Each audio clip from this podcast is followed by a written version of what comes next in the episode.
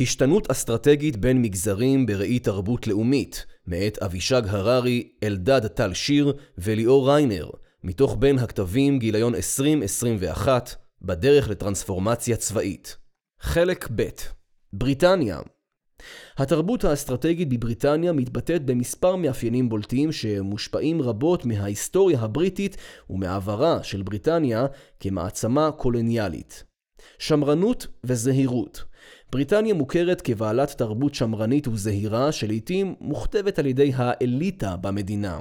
ברמה הביטחונית, הזהות השמרנית באה לידי ביטוי בנטייה להתנצח ולמתוח ביקורת על פעולות צבאיות בינלאומיות מתוך ערכים ועקרונות. המשכיות בריטניה נוטה להיבטים של המשכיות בתרבות ובמדיניות. ההמשכיות באה לידי ביטוי הן בתפקידה ובהשפעתה הרבה בקהילה הבינלאומית, והן בבחירה בשותפיה בזירה הגלובלית, נאט"ו וארצות הברית. השפעה אמריקאית, בריטניה מושפעת רבות מקרבתה לארצות הברית, הן ברמה הביטחונית והן ברמה התרבותית. בין שני מוסדות הביטחון האירופאיים, נאט"ו והאיחוד האירופי, העדפה האינסטינקטיבית של בריטניה היא לנאט"ו, בשל המעמד המרכזי של ארצות הברית בו. אפיון זה מתעצם על ידי תהליך הברקזיט. תפיסה מעצמתית בריטניה מושפעת רבות מעברה האימפריאליסטי והקולוניאליסטי וממעמדה הגאו-אסטרטגי. מתוך כך היא רואה עצמה כמעצמה כלכלית וביטחונית. שחקן מפתח בזירה הגיאופוליטית. בריטניה גורסת כי יש לה תפקיד חשוב במערכת הבינלאומית המשפיע על נכונותה להשתתף בפעולות בינלאומיות ובקבלת החלטות הקשורות לזירה הבינלאומית ולזירה הפנימית כאחת. השתנות עסקית בבריטניה, חברת בריטיש פטרוליום. חברת BP הוקמה בשנת 1908 בבריטניה כחברת גז אנגלו-פרסית. ב-65 שנותיה הראשונות נשענה החברה בעיקר על שדות הנפט במזרח התיכון ועל מדינות OPEC. בעקבות משבר הנפט בשנת 1973 גורשה החברה מ-OPEC ונאלצה להמציא את עצמה מחדש. אבחון הצורך בשנת 1995 מונה ג'ון בראון למנכ"ל BP בעיצומו של משבר עמוק בחברה. התפיסה האסטרטגית שהובילה אותו הייתה יצירת שינוי ב-BP שיהיה בעל מרכיבים שהמתחרים יתקשו להעתיק. בשנת 1997 יצא בראון בהצהרה כי הוא מודאג מכך שפליטות הפחמן הדו-חמצני, ה-CO2, משנות את האקלים העולמי. לטענתו, השינוי באקלים הוא נושא שמעלה שאלות מהותיות על היחסים בין תאגידים ובין החברה האזרחית. דבריו, לפיהם שינוי האקלים הוא המציאות ואנחנו אחראים לו במידה חלקית, ביטאו את תחושת האחריות של בראון למצב שנוצר. ייתכן שתחושה זו נבעה בין היתר מתוך אופייה השמרני של בריטניה, המתבטא בין השאר בדחף לפעול למען ערכים ועקרונות. תחושה זאת של בראון לצד הצורך בייחודיות אסטרטגית הובילו אותו לפתוח בטרנספורמציה בחברת BP בהיקף שלא היה מוכר קודם לכן ולהפוך אותה לתאגיד נפט ידידותי לסביבה. הפרדוקס שנוצר בעקבות הדיסוננס בין שאיבת נפט ובין המושג ידידותי לסביבה, אקו-פרנדלי, חייב את בראון לפעול בצורה יסודית ולהוביל שינוי עמוק בחברה הן מבית והן כלפי חוץ.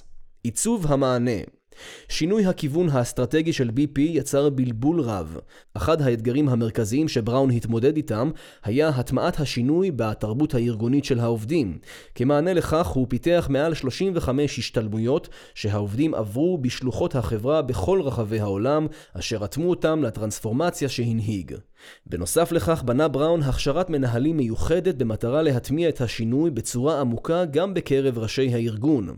מטרות ההכשרה, עתיד רענן לאישות החדשה, הושגו עד סוף שנת 2002, והיא הוכתרה בהצלחה. רוב האנשים שעברו אותה הבינו את ההיגיון האסטרטגי שמאחורי השינוי, אך הגשמת החזון החדש של החברה במלואו חייבה לגבש ערכים חדשים, הן בקרב ההנהלה והן בקרב עובדי הארגון. בנוסף לכך הוקם צוות מחקר מקיף כדי לבקר ולמדוד את השפעתו של השינוי ולדעת לנצל אותו. חוסר הוודאות שהיה כרוך בשינוי האסטרטגי נפתר על ידי תהליך המיתוג מחדש. תהליך המיתוג היה אינטנסיבי בכל הרבדים. כחלק מעיצוב החדשנות וכדי ליישם את הרציונל החדש של התאגיד, היה על הנהלת החברה ליצור יחס שונה כלפיה בקרב הציבור וחברות אחרות. מבחינתו של המנכ"ל בראון לתהליך המיתוג מחדש היו כמה מטרות מרכזיות. ראשית, מיתוג החברה כחברת נפט שונה המונהגת על ידי מנכ"ל מסוג אחר. שנית, שיקוף כלפי חוץ של החזון והאסטרטגיה החדשים, ערכים של שינוי, ביצועיות ומקצועיות, תוך מתן כבוד לסביבה. מבחינה מעשית, החברה שינתה את שמה מבריטיש פטרוליום לביונד פטרוליום. כלומר חברה שהיא מעבר לנפט, המטביעה את חותמה גם כספקית גדולה של פתרונות אנרגיה. גם הלוגו של החברה עוצב מחדש והוצג כידידותי לסביבה.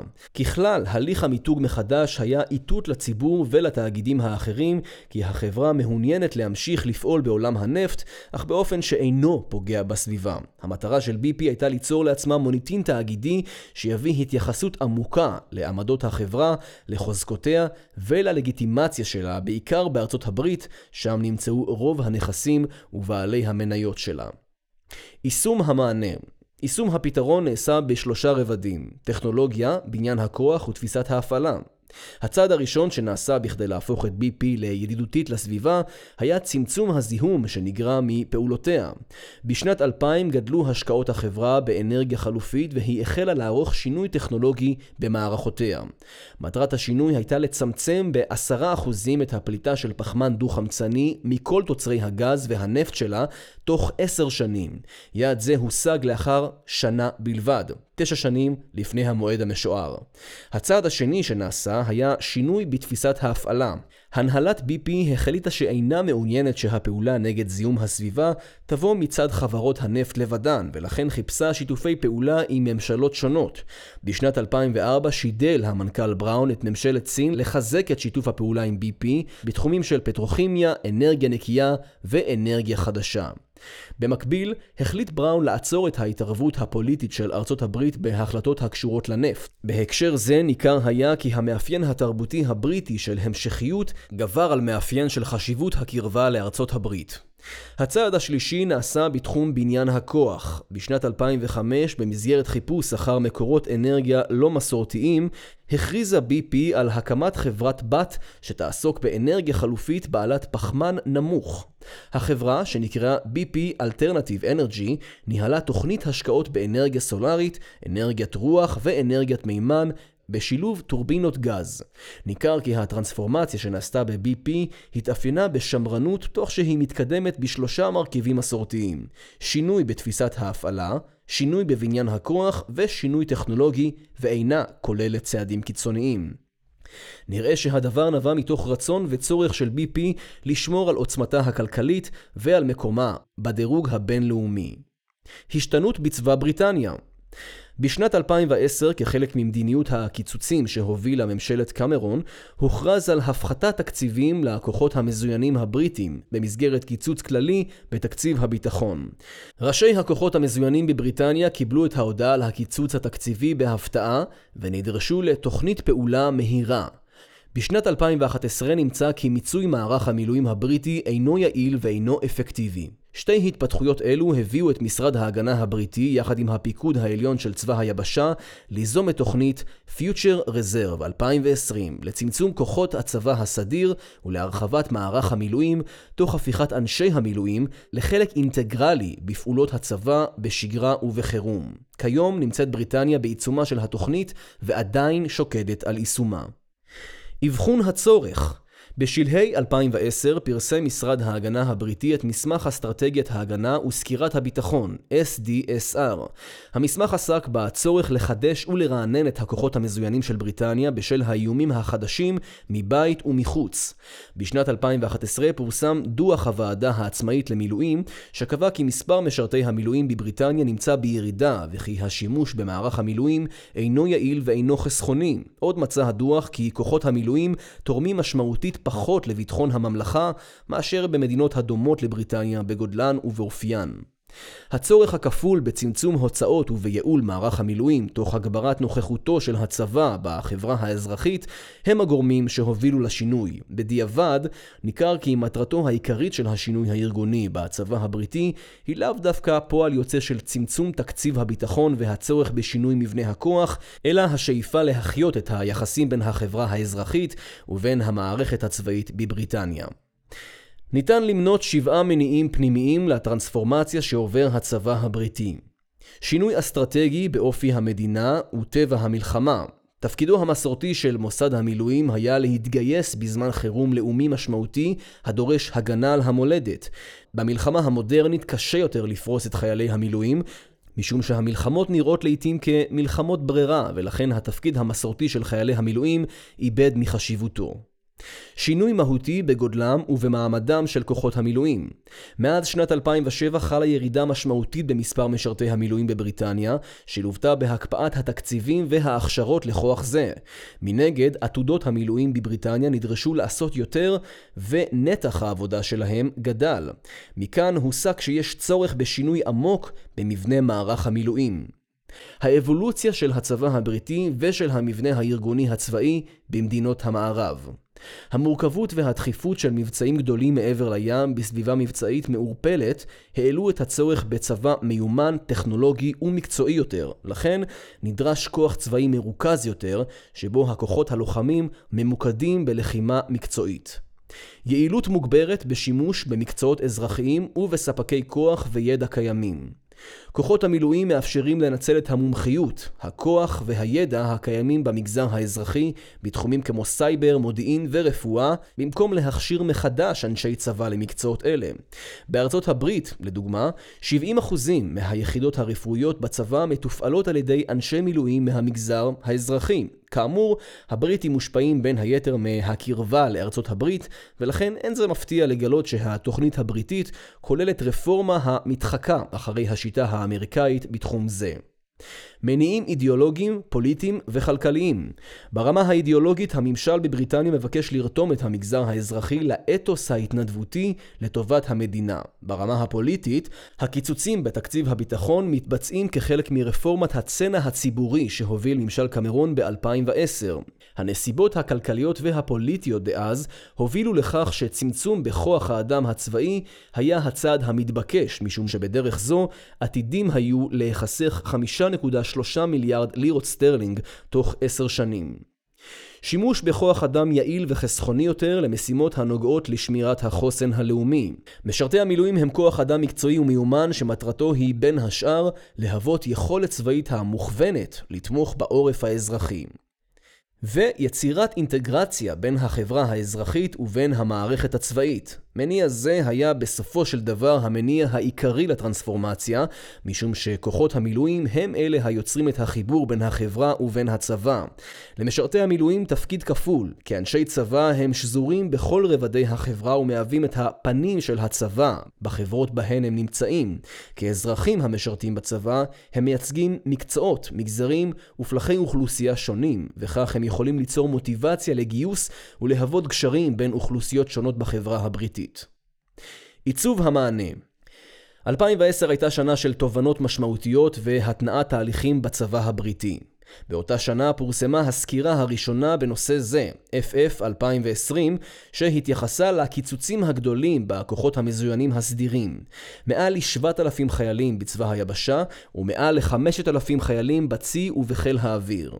ב-2012 פורסמה סקירה נוספת בנושא, ארמי 2020, שהובילה לקיצוץ נוסף של עשרת אלפים חיילים מהכוחות הסדירים וצמצמה את הצבא המלכותי הבריטי להיקפו הקטן ביותר מאז תחילת המאה ה-19, כשהוא מונה 82 ו-500 אלף חיילים בלבד. התוכנית Future Reserve 2020 מהווה שילוב של שתי התוכניות, ארמי 2020 ו-FF 2020, ומטרתה היא לקצץ בהיקף הצבא הבריטי הסדיר ולהגדיל את מספרם של כוחות המילואים, תוך שינוי מבנה הכוח הצבאי. FR 2020, Future Reserve, נבנתה מתוך חשיבה לטווח ארוך והסתכלות על מדינות נוספות באירופה, בצפון אמריקה ואוסטרליה, שעוברות תהליכים דומים של שינוי מבנה הכוח והמבנה הארגוני של הצבא.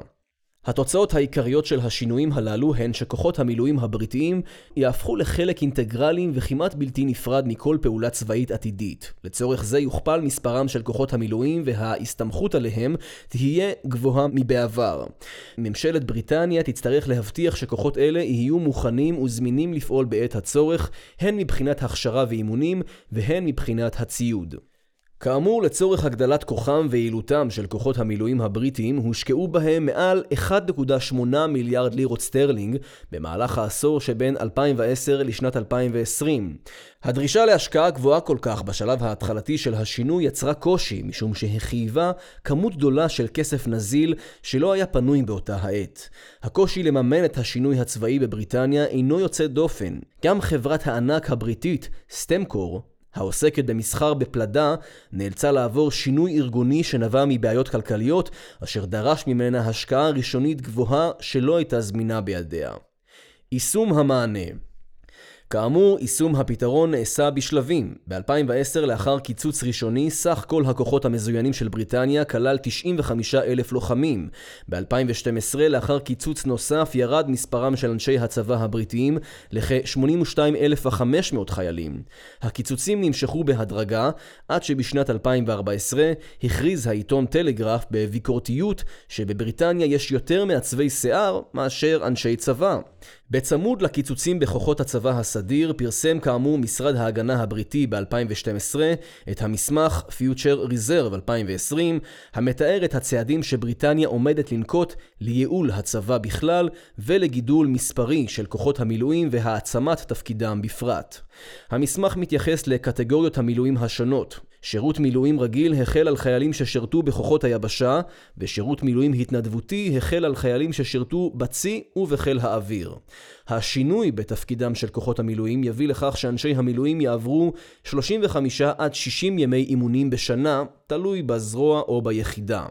בזירת הבית, הציפייה שהציג המסמך היא להסתייע בכוחות המילואים למשימות של חוסן לאומי בזמן חירום, כמעין נציגים של פיקוד העורף, בדומה לישראל, כחלק ממאמץ רחב יותר של אינטגרציה של הצבא עם החברה האזרחית. המסמך קובע כי מסיבה זאת יהיה צורך במתאם בין מיקום היחידות אליהן מגייסים אנשי מילואים בשעת הצורך ובין מיקום העתודות האזרחיות בתחומים אלה. כך למשל, נכון יהיה לפרוס יחידות רפואיות ליד בתי חולים חולים גדולים, אליהן ניתן לגייס אנשי רפואה. באשר למעסיקים, משרד ההגנה הבריטי מביע במסמך הכרה במעסיקים התומכים במשרתי המילואים ואף מתגמל אותם. לפי המסמך, מערכת היחסים החדשה שבריטניה רוצה לבנות עם המעסיקים מבוססת על שלושה נושאים מרכזיים: שיפור ניהול הקשר בין משרד ההגנה, המעסיקים ומשרתי המילואים, צמצום ההשפעה של הגיוס והפריסה של אנשי המילואים על העסקים ועל השגרה המדינית, ופיתוח תועלת הדדית בין הצבא ובין משרתי המילואים באמצעות תמורות, תמריצים ופיתוח מיומנויות. מסקנות הגורם המרכזי בטרנספורמציה בשני המגזרים בבריטניה, BP והצבא, הוא העמקת האינטגרציה עם החברה האזרחית והאחריות שיש למגזר העסקי ולמגזר הצבאי מולה. ככלל, טרנספורמציות משמעותיות נפרסות על פני מסגרת זמן ארוכה, על אחת כמה וכמה בבריטניה, בעלת האופי השמרני. השינויים בה לא רק שאינם נעשים באופן רדיקלי, אלא מתפרסים על פני מסגרת זמן ארוכה כדי לא לזעזע את המערכת הצבאית או את החברה האזרחית. עשר שנים הוקצו לשינוי בשני המקרים של BP ושל הצבא. אחד המניעים המשותפים לטרנספורמציה בשני המגזרים בבריטניה, העסקי והצבאי, הוא שמירת העליונות. יצירת ייחודיות של המתחרים יהיה קשה להעתיקה במגזר העסקי, ואימוץ השינויים שעוברים הצבאות שמסביב לבריטניה, והתאמתם לאיומים של העידן המודרני במגזר הצבאי.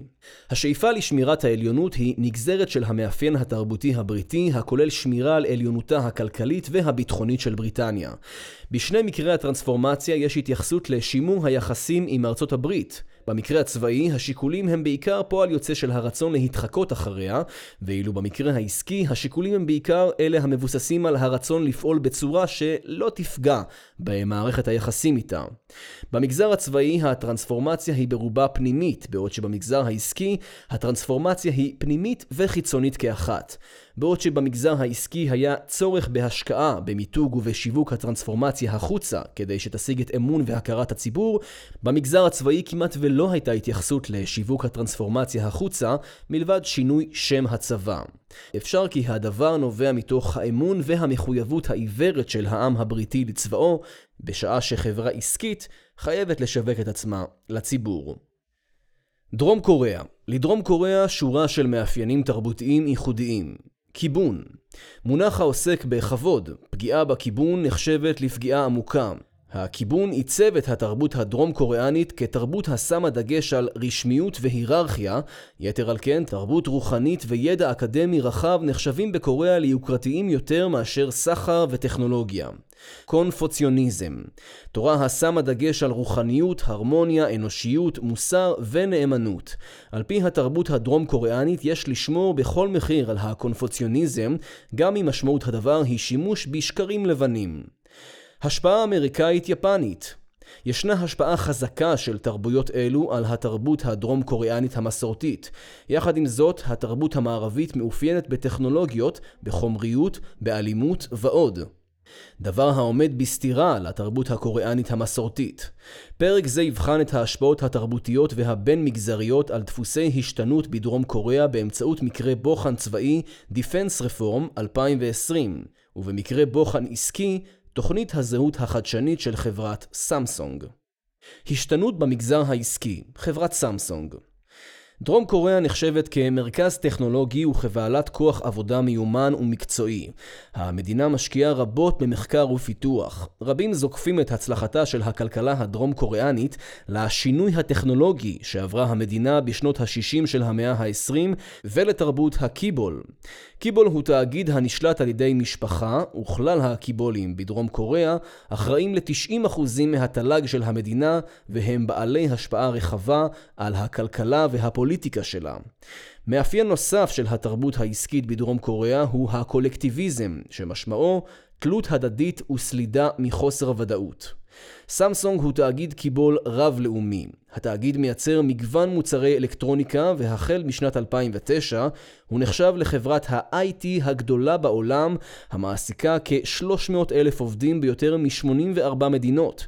בשנת 1993, זמן קצר לאחר חילופי מנכ"לים בחברה, הבין המנכ"ל הנכנס, לי קון הי, כי מתרחשים שינויים בטרנדים העולמיים כמו תהליכי דיגיטציה וגלובליזציה, וכי אלה דורשים שינוי גם בחברת סמסונג, אם היא רוצה לשרוד בשוק התחרותי.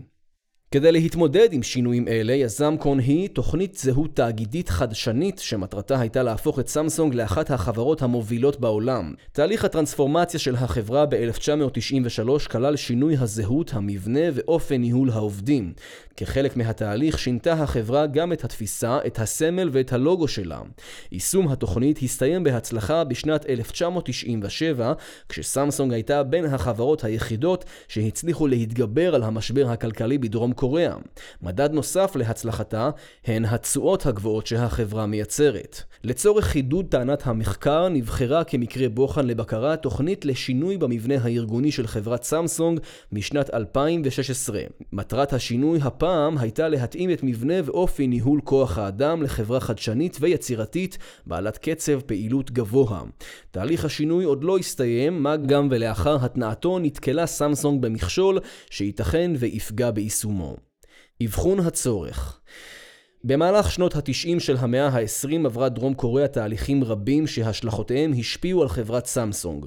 עם כניסתו של קון הי לתפקידו כמנכ"ל החדש של החברה, הוא ערך בה בדק בית במסגרת תהליך בחינה פנימית תקופתי. קון הי זיהה מספר מוקדים בניהול כוח האדם ומבנה החברה שמנעו ממנה להתקדם. הוא הבין שסמסונג אינה יכולה לבסס את ניהול כוח האדם שלה על שיטות מסורתיות וזיהה הזדמנות נדירה לבצע מהפך דיגיטלי בחברה. כמו כן זיהה קון הי בעיות בהתנהגות העובדים, הישענות של העובדים החלשים על החזקים, תחרותיות נמוכה בקרבם, קידום עובדים על בסיס ותק בלבד ועוד. יתרה מזאת, מנכ"ל סמסונג הבין שעל החברה להתחיל לשתף פעולה עם חברות מתחרות. ניתן לזהות הקשר תרבותי כבר בתהליך האבחון, כאשר בהנהלת החברה הבינו שמנהלים מעדיפים לתת לעובדים הערכה גבוהה משמגיעה להם, כדי לא לפגוע באווירת ההרמוניה. גם מאפייני הקידום המבוססים על ותק וסוג המוסד האקדמי הצביעו על השפעת התרבות הדרום קוריאנית. מקרה הבוחן של הטרנספורמציה בשנת 2016 מוכיח כי בדק הבית של סמסונג אפשר לה לזהות הזדמנויות לשינוי, ואכן סמנכ"ל החברה, ג'יי יונג, זיהה אז שסמסונג מתנהלת כחברת ענק ולא כארגון בינלאומי. יתרה מזאת, הנהלת סמסונג הבינה כי החברה צומחת על בסיס ניהול משברים איכותי, אך לא על חדשנות. עיצוב המענה המטרה המרכזית של הטרנספורמציה הייתה חיזוק התחרותיות ושינוי התפיסה הציבורית בנוגע לחברה. תתי המטרות ביטאו את הכיוון אליו החברה מתקדמת, קידום התרבות והכבוד המשרדי. כל אלה הופצו על ידי המנכ"ל כהצהרת פרנקפורט 1993. ניתן להבחין בקשר שבין האבחון ובין עיצוב הפתרון. העובדים בחברה היו חסרי מוטיבציה ואופי תחרותי כתוצאה מתנאי הקידום והשכר, שהיו מושתתים על מאפיינים כלליים בלתי ניתנים לשינוי ולא על היכולות של הפרט. המטרות שהוצגו בעיצוב המענה מצביעות על כוונה של סמסונג לשנות את שיטת ההתייחסות לעובדים וליצור סביבה תחרותית שיתופית תוך התייחסות לחברות המתחרות כדי לקדם שיתופי פעולה ולשמור על היתרון הטכנולוגי. ההשפעה התרבותית הדרום קוריאנית ניכרת גם בתהליך השינוי. סמסונג סיגלה שיטת ניהול היברידית, המשתמשת בנקודות החוזק התרבותיות של יפן, ארצות הברית ודרום קוריאה עצמה. מקרה הבוחן משנת 2016 מחזק את ההנחה כי למרות המגבלות התרבותיות בביצוע שינויים, סמסונג ידעה לזהות את נקודות הזמן בהן נדרשים שינויים ולא חששה לבצעם. לאחר פחות מעשור מהטרנספורמציה הראשונה, החברה החליטה לקיים שינוי מבני ארגוני נוסף, במטרה להתאים את עצמה לשינויים, במערכת הגלובלית. יישום המענה תהליך יישום התוכנית התקיים בשלושה מישורים. הזהות הבסיסית של החברה, המבנה הארגוני, ארגון כוח האדם. תחילה הפיץ מנכ"ל החברה את הצהרת פרנקפורט בקרב העובדים והפך אותם למודעים לשינוי. לאחר מכן עברה סמסונג מתיחת פנים עם עיצוב לוגו וסמל חדשים אשר הקנו לחברה תדמית חדשנית, דינמית ויזמית. החברה הבינה כי התנהלותה בתחום כוח האדם הוא ריכוזי היררכי חד-כיווני שאינו תואם את צרכי התאגיד. על כן הפכה סמסונג את מערכת היחסים בין המטה ובין החברות הבנות שלה לדו-כיוונית. דרך נוספת לעודד תחרותיות הייתה התאמת שיטת ההעסקה, הערכה והקידום תוך הדגשת האיכויות של המועמדים למשרות. במסגרת זו הוא שם דגש רב יותר על שלב הראיונות בתהליך ההשמה, וסמסונג שינתה לחלוטין את מאפייניו של העובד הרצוי, תוך שימת הדגש על יכולות העבודה והניהול המעשי שלו. גם שיטת הערכת העובדים השתנתה והפכה לשיטת הערכה 360, הערכה מכלל סביבת העבודה של העובד. בעבר, העובדים היו מקודמים בנקודות זמן קבועות ועל בסיס נתונים יבשים, שיטה שהובילה לחוסר מאמץ בקרבם.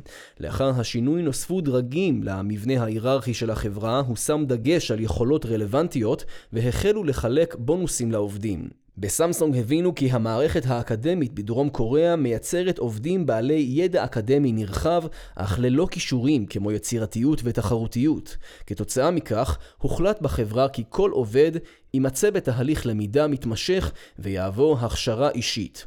סמסונג בחנה את התקדמות תהליך היישום לכל אורכו. בכירי החברה הבינו כי עליהם להביא את דבר השינוי לידיעת הציבור הרחב. על כן, שנת 1996 הוגדרה בסמסונג כשנת העיצוב, שתביא לידי ביטוי את הפילוסופיה של החברה באמצעות מוצריה.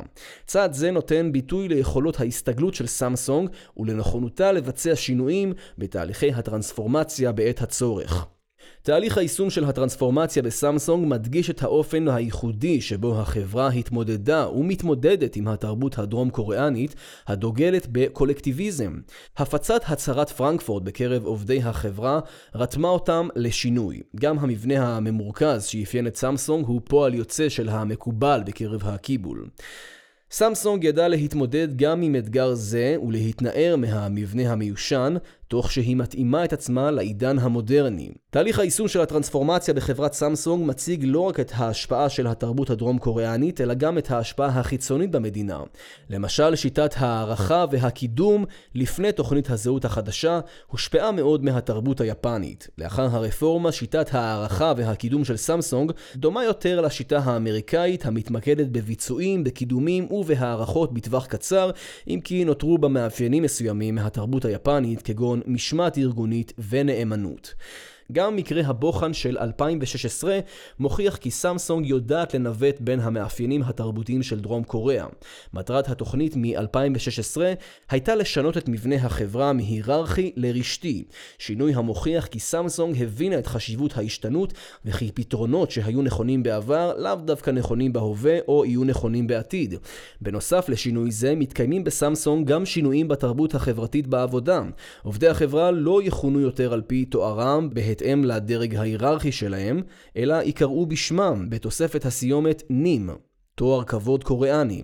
שינויים נוספים הם ביטול קוד הלבוש וצמצום הנוהג להישאר במשרד עד שעות מאוחרות. שינויים נתונים גם להשפעות חיצוניות. בפברואר 2017 נעצר הסמנכ"ל ויוזם השינוי בסמסונג, ג'יי יונג, בחשד לקבלת שוחד ושחיתות, ונידון לחמש שנות מאסר. תהליך יישום התוכנית לשינויים בחברה שהנהיג אמור היה להיפתח בחודש מרץ 2017, אך עד כתיבת דברים אלה לא דווח על פתיחתו. ההשתנות בצבא דרום קוריאה. ההיבט הביטחוני בדרום קוריאה, מצב של מוכנות מתמדת למלחמה הנובע מהכורח הגאו-אסטרטגי, אינו טבעי למדינה מפותחת. כדי להבין את ההשפעה של מאפייני התרבות הדרום קוריאנית בכלל ושל התרבות הצבאית אסטרטגית בפרט על כישלונה של הרפורמה בצבא דרום קוריאה, יש להכיר את מאפייני התרבות האסטרטגית צבאית של המדינה. הסכסוך עם צפון קוריאה עומד במוקד חששותיהם של מקבלי ההחלטות בדרום קוריאה, ומשפיע על התנהלות המדינה. האסטרטגיה הדרום קוריאנית מול בעיה זו היא שימור הסטטוס קוו על ידי הגנה חזקה ויכולת הרתעה משמעותית. בנוסף לכך, דרום קוריאה חסרה עומק אסטרטגי. מציאות זו של חוסר ודאות המושפעת גם ממעצמות חזקות ומאינטרסים לאומיים המנוגדים לאינטרסים שלהן, עיצבה את תפיסת האיום, את מדיניות החוץ ואת התרבות האסטרטגית של דרום קוריאה. האסטרטגיה הצבאית של דרום קוריאה נשענת על שלושה עמודי תווך. הברית עם ארצות הברית, המוצאת ביטוי בכוחות המשולבים של שתי המדינות, Combined Forces Command, CFC, שהם בעלי שליטה רחבה בצבא הדרום קוריאני, הגנה באמצעות הרתעה, הגנה אקטיבית. בספטמבר 2005 הכריז משרד ההגנה הדרום קוריאני על התוכנית לרפורמה בהגנה DR 2020 במטרה להפוך את צבא דרום קוריאה לצבא מקצועי מודרני המבוסס על ציוד מתקדם וכוח אדם קטן ואיכותי וזאת בניגוד למצב ששרר אז שבו מרבית האזרחים לא היו מחויבים בגיוס. יישום הרפורמה תוכנן להסתיים עד שנת 2020. עם זאת, בשנת 2011 הוכרזה תוכנית חדשה, רפורמה בהגנה 307, שהחליפה את תוכנית DR 2020. מלכתחילה ניתן היה לזהות קושי ביישום הרפורמה. כאמור, התרבות הדרום קוריאנית מייחסת עדיפות עליונה לרוחניות ולידע אקדמי על פני טכנולוגיה.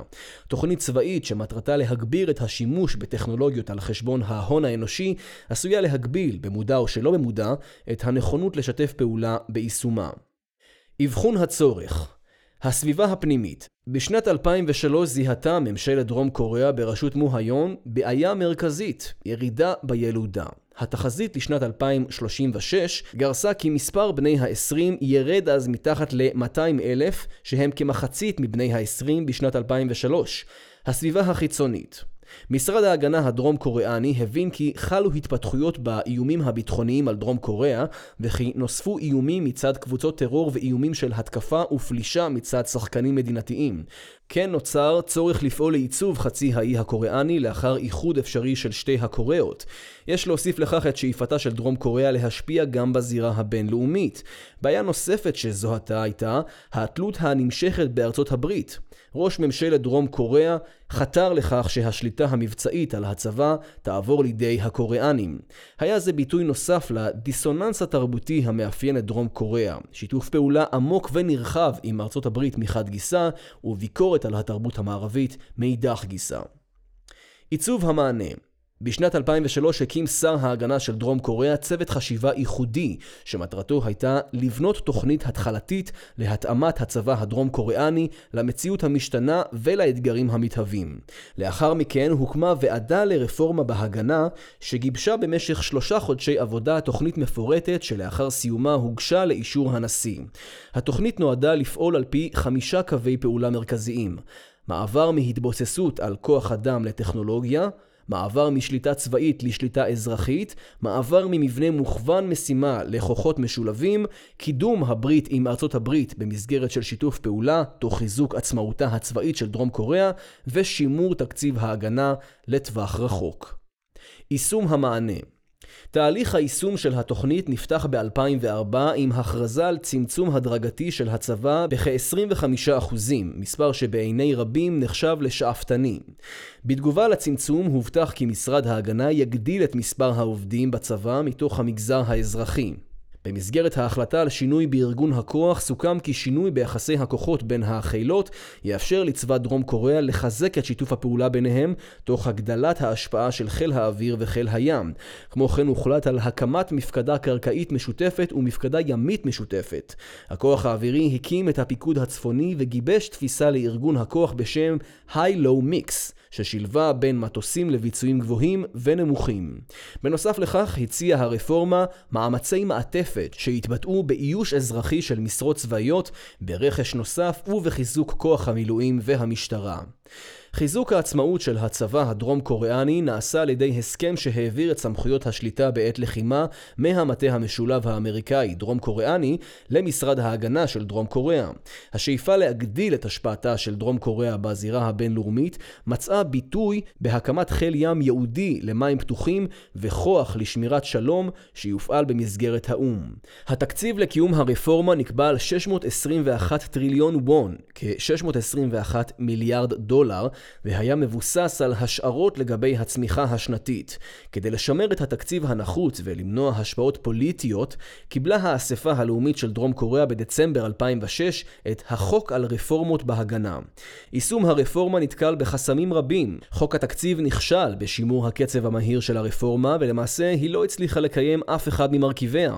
בעיה נוספת הייתה חילופי השלטון במדינה בפברואר 2008, שהובילו לשינויים בתפיסת האיום. בעוד שהממשל הדרום קוריאני הישן האמין בצורך להתכונן למגוון תרחישים לטווח רחוק, הממשל החדש ראה בפלישה צפון קוריאנית איום ממשי ומיידי.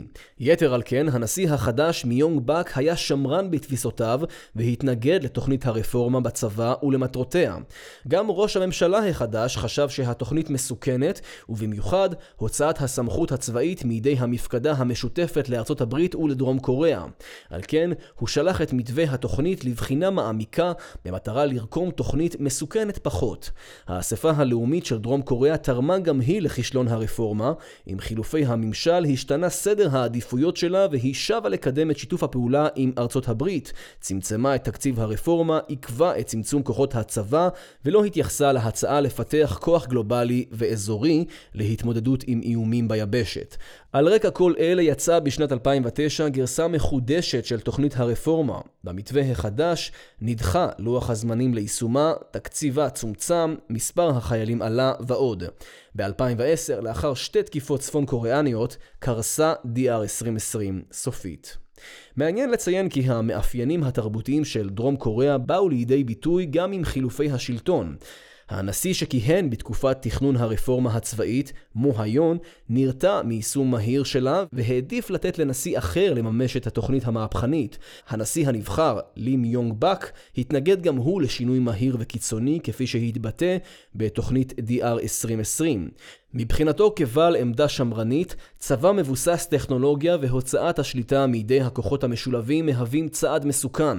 הנטייה הנמשכת להישען על הברית עם ארצות הברית הייתה עדות נוספת להשפעת המאפיינים התרבותיים צבאיים הקבועים על הממשל הדרום קוריאני. מסקנות ניתוח הטרנספורמציה בחברת סמסונג מלמד על שלושה זרזים שתרמו להצלחתה.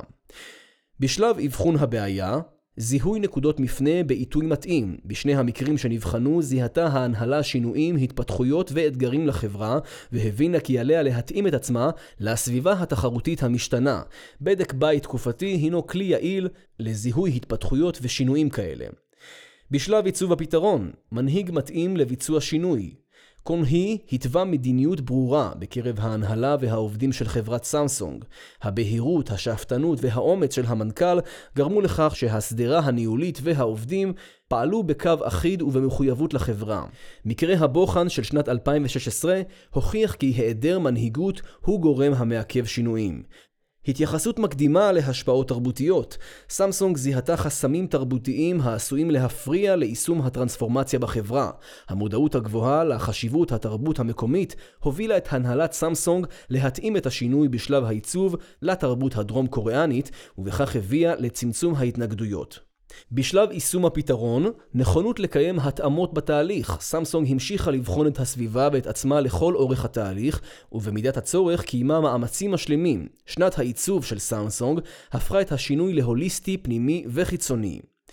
בניתוח כישלון הטרנספורמציה בתוכנית DR 2020 של צבא דרום קוריאה, ניתן לזהות שלושה חסמים מרכזיים. בשלב אבחון הבעיה, היעדר אמצעים למדידה ולבחינת סיכונים. משרד ההגנה הדרום קוריאני הגדיר את האיומים אך לא את גודלם וסבירותם, כך שלא הייתה יכולת לגבש מענה. ההשלכות של חסם זה ניכרו בתהליך היישום של הרפורמה. ההתקפות הצפון קוריאניות על דרום קוריאה בשנת 2010 הובילו לביטול התוכנית הדרומית. אם דרום קוריאה הייתה מבינה את גודל האיום וסבירותו, ייתכן שההתקפות היו מובילות להתאמות הנדרשות בתוכנית ולא לביטולה. בשלב עיצוב הפתרון, היעדר תקציב מספק ליישום התוכנית. תקציב ה-DR 2020 נשען על תחזיות כלכליות. ברמה המעשית, לרפורמה לא היה מימון מספק. בשלב יישום הפתרון, השפעות פוליטיות בשנת 2008, בפתחו של תהליך יישום הרפורמה, התבצעו חילופי שלטון בדרום קוריאה שהביאו לשינוי תפיסת ההגנה של המדינה. חילופים אלה עיכבו את יישום הרפורמה, שינו את המתווה שלה ולבסוף הביאו לביטולה. גם לפרלמנט הדרום קוריאני הייתה השפעה על יישום התוכנית. ברמה התרבותית, משרד ההגנה של דרום קוריאה לא ייחס חשיבות גדולה למאפיינים תרבותיים במסגרת תוכנית הרפורמה שלו, וזאת בניגוד לחברת סמסונג, שרתמה את מאפייני התרבות הדרום קוריאנית, כך שיעודדו את השינוי. הדוגמה הבולטת להבדל זה היא ההתייחסות להשפעה האמריקאית. משרד ההגנה ניסה להתנער מהתלות בארצות הברית, דבר שהיה אחד הגורמים שהובילו לקריסת תוכנית הרפורמות. לעומת זאת, חברת סמסונג אימצה חלק מהמאפיינים האמריקאים, ואלה סייעו ליישום הרפורמות בחברה ולהתפתחותה המוצלחת. מסקנות ותובנות כלליות התובנות המשולבות לגבי כלל הרפורמות שנידונו במאמר זה יכולות ללמדנו על האופן שבו ניתן להתגבר על אזורים ותחומים המועדים לפורענות בעת תהליכי השתנות. שלב העיצוב מהווה גורם מרכזי בכישלון תהליכי טרנספורמציה. זיהוי שגוי של אופן ההשתנות הנדרש מוביל לא פעם למחיר כבד. עיצובו של פתרון מחייב את היותו תלוי בארגון המשתנה ולא בגורם חיצוני לו. יישום הטרנספורמציה בחלק מהארגונים שנחקרו לא היה מוגן מפני גורמים חיצוניים בעלי השפעה. המקרה הסינגפורי מדגים עיצוב השתנות לקוי בשל תליית יהבו בגורם חיצוני למושא הטרנספורמציה. זאת ועוד שלב העיצוב מהווה חוט מקשר בין הבעיה ובין הפתרון, מתכנני שינוי שישכילו להשתמש ביעילות באמצעים העומדים לרשותם כדי לתת מענה אפקטיבי לבעיות שזוהו בשלב האבחון, יצליחו להביא להשתנות אפקטיבית. מנגד, הבנה שגויה של האמצעים, ובמיוחד תכנון תקציב לקוי והיעדר שימוש במדדים כדי לגבש תפיסת איום ריאלית, עשויים לפגום בשינוי. במקרה של צבא דרום קוריאה, ההישג הנדרש מההשתנות הביא לכישלונה במבחן התוצאה. שלב היישום מציב גם הוא אתגרים לגוף המשתנה. בגופים ציבוריים או בעלי תרבות ארגונית פתוחה, שלב זה עשוי להוביל להתנגדות מתוך תפיסה של הציבור או לעובדים, יש את הסמכות להתערב או לבקר את התהליך. ביקורת כזו, בתורה, עשויה להוביל לספקות בנוגע לתהליך ואף לטרפד את יכולת המנהל לרתום את כפיפיו לצורך השתנות. הרפורמה בצבא הבריטי מעידה על מהותו של מענה אפקטיבי לתרחיש, הנשען על עמדה נחושה של מובילי ההשתנות, המגובה בתובנות אמפיריות. יתרה מכך, יישום אפקטיבי דורש פתיחות ונכונות לתיקונים אדפטיביים במתווה ההשתנות. ללא נכונות לאדפטיביות לא ניתן למקסם את הפוטנציאל שבהשתנות ואף ניתן להיכשל בה כליל. הדבר הומחש בתהליך ההשתנות במגזר העסקי הסינגפורי על ידי זיהוי השקעה חסרה בדיגיטציה. ניתן לומר בביטחון כי ללא זיהוי זה, ההשתנות לא הייתה משיגה את מטרותיה. כך גם במקרה העסקי הדרום קוריאני, שבמסגרתו זוהה הצורך בהשקעה בעיצוב המוצר כדי לעורר תשומת לב ציבורית לתהליך ההשתנות. ניתן לגבש תובנות גם לגבי דרכי הפעולה הזהות של המגזרים השונים במבט בין תרבותי. נמצא מכנה משותף בהיעדר התבוננות בין מגזרית של השחקנים, במטרה להסיק מסקנות ולקחים על ביצוע טרנספורמציה. מנגד ניתן להתר התבוננות תוך מגזרית בין מדינות שונות ובתוכן. החברות העסקיות, רובן ככולן, בחנו חברות עסקיות מקומיות וחיצוניות. באותה מידה, הצבאות הסינגפורי והבריטי התבוננו על גופים ביטחוניים במדינות אחרות. יש לסייג ולציין כי תובנה זו הינה מוגבלת במידת מה, שכן ייתכן שהלקחים שהפיק הגוף המתבונן הם תולדה לא מודעת של למידה בין מגזרית של הגוף שצופים בו. הסתכלות תוך מגזרית על שחקנים חיצוניים במגזר הצבאי לא ערבה במקרים שנחקרו התבוננות במדינות יריבות או במדינות שאין עימן קשרים הדוקים. ממצא מעניין זה דורש תיקוף במחקרי המשך, שכן הקטנת משטח הלמידה עשויה להוביל להחמצת פוטנציאל ואף לכישלון טרנספורמטיבי. מסקנה מהדהדת היא כי עיקרה של הטרנספורמציה בהשתנות צבאית נבע משינוי בתפיסת ההפעלה ומהשתנות של תיאוריית הניצחון.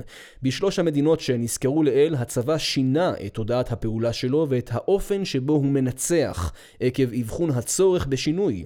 השינויים הטכנולוגיים והשינויים בבניין הכוח ביקשו לתגבר את השינוי האמיתי והמהותי יותר בתפיסת ההפעלה. במקרים העסקיים, בלט כי תהליכי אבחון הבעיה ועיצוב הפתרון פעלו בתצורת מעלה-מטה, במסגרתם ההנהלה הבכירה היא שיזמה והובילה את השינוי. לצד זאת, שלב היישום ערב את העובדים בדרג הזוטר בקנה מידה משתנה, כך שהשינוי יושם גם במתודולוגיה של מטה-מעלה. ניתן לומר ששלבי האבחון והעיצוב של שינויים בעולם העסקי הם תהליכים הנעשים מאחורי הקלעים, בעוד ששלב היישום, המשפיע באופן ישיר על העובדים בחברה, כולל אסטרטגיה דו-כיוונית המסייעת להטמיע את השינוי בצורה יסודית ועמוקה. מבחינת המקרים הנידונים מזווית חוצה תרבות, זוהה כי הצלחת הטרנספורמציה מושפעת ממידת הלימתה את מאפייני התרבות הרווחים במדינה. עם זאת, גם במקרים של הצלחה, קשה להעריך האם ההתאמה התרבותית נעשתה במודע או לא במודע. לדידנו, התאמה זו בוטאה באופן תת-מודע מתוך היות המאפיינים התרבותיים מוטמעים באזרחי המדינה, שהם כאמור יוצרי השינוי ומיישמיו. לסיכום, מחקר זה ביקש לשפוך אור על האופן שבו נתיב השתנות אסטרטגית נבדל בין המגזרים הצבאי והעסקי בתרבות לאומית נתונה. הדבר נעשה באמצעות בחינת שישה מקרי בוחן בשלוש מדינות שנחקרו במתודולוגיית חוצת תרבות, אשר הציפה תובנות מהותיות פרטניות עבור כל מדינה נחקרת, ובאופן מקובץ ומשולב עבור המגזרים באופן כללי. ראוי לתקף את המאמצים על ידי הרחבת מקרי הבוחן והמדינות הנחקרות, ואף לבחון טרנספורמציות נוספות במגזרים ובמדינות שנבחנו. עם זאת, ועל אף היותן של המסקנות חלוציות, הן עשויות להתגלות כבעלות השלכות נרחבות למדינות ולממסדים שונים. אפשרות זאת מתחזקת על רקע העידן הנוכחי, המאופיין בתחרות למידה, שבה אין לאף שחקן פריבילגיה להתעלם מהמידע, ומכלים שעשויים להתגבר על חוסר הוודאות הכרוני המאפיין את רוח התקופה, לעצב תוכנית טרנספורמציה רלוונטית ולעמוד בה, וכל זאת כדי להשיג יתרון ניכר על יריבים.